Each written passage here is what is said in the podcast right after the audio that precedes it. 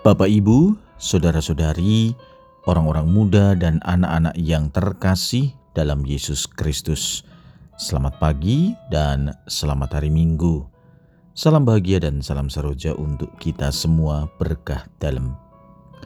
Bersama dengan saya, Romantonius Garbito Pambu Haji menyampaikan salam dan berkat Allah yang Maha Kuasa dalam nama Bapa dan Putra dan Roh Kudus. Amin.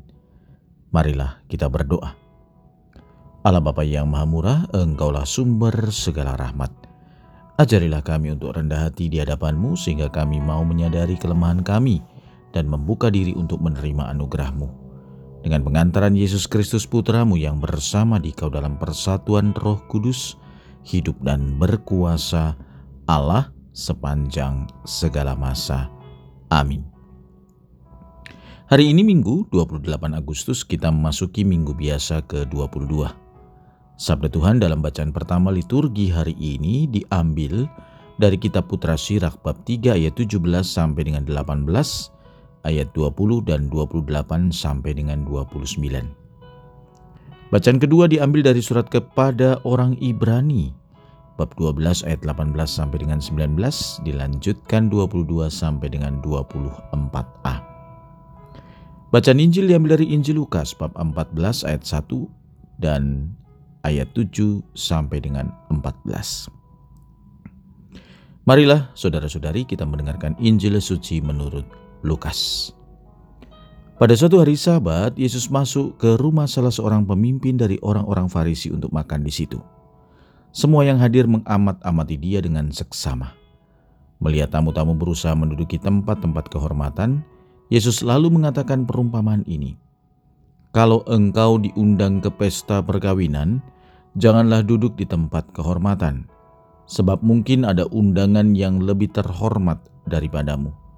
Jangan-jangan orang yang mengundang engkau dan tamu itu datang dan berkata kepadamu, "Berikanlah tempat itu kepada orang ini."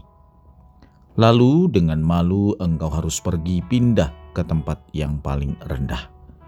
Tetapi apabila engkau diundang, duduklah di tempat yang paling rendah Mungkin tuan rumah akan datang dan berkata kepadamu, "Sahabat, silakan duduk di depan." Dengan demikian, engkau akan mendapat kehormatan di mata semua tamu yang lain. Sebab barang siapa meninggikan diri akan direndahkan, dan barang siapa merendahkan diri akan ditinggikan. Dan Yesus berkata juga kepada orang yang mengundangnya, Apabila engkau mengadakan perjamuan siang atau malam, janganlah mengundang sahabat-sahabatmu, saudara-saudaramu, kaum keluargamu, atau tetangga-tetanggamu yang kaya, karena mereka akan membalasnya dengan mengundang engkau pula, dan dengan demikian engkau mendapat balasnya.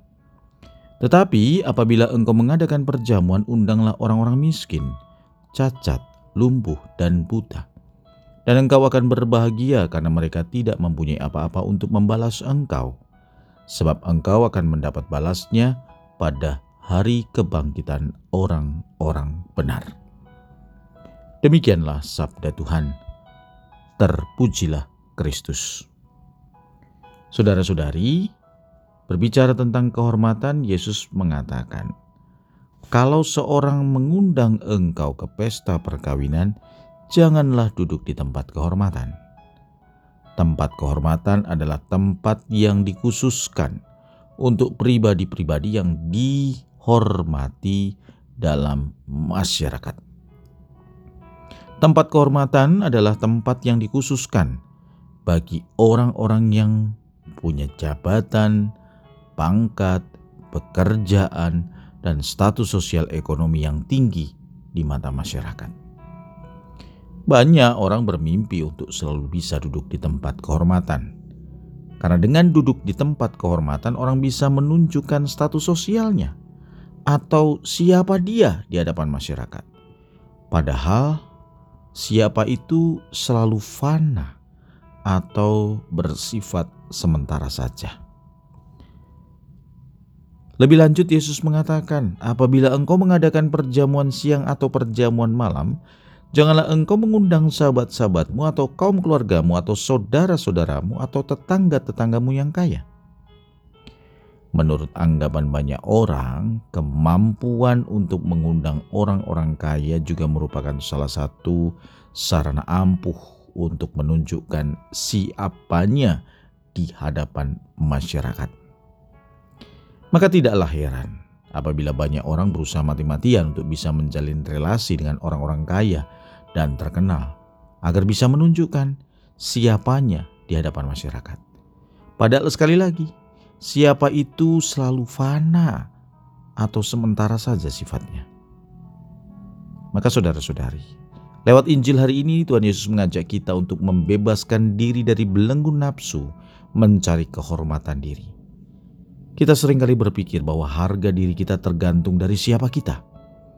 Padahal Allah mencintai kita tanpa peduli dengan siapa kita. Allah hanya melihat ada kita semata.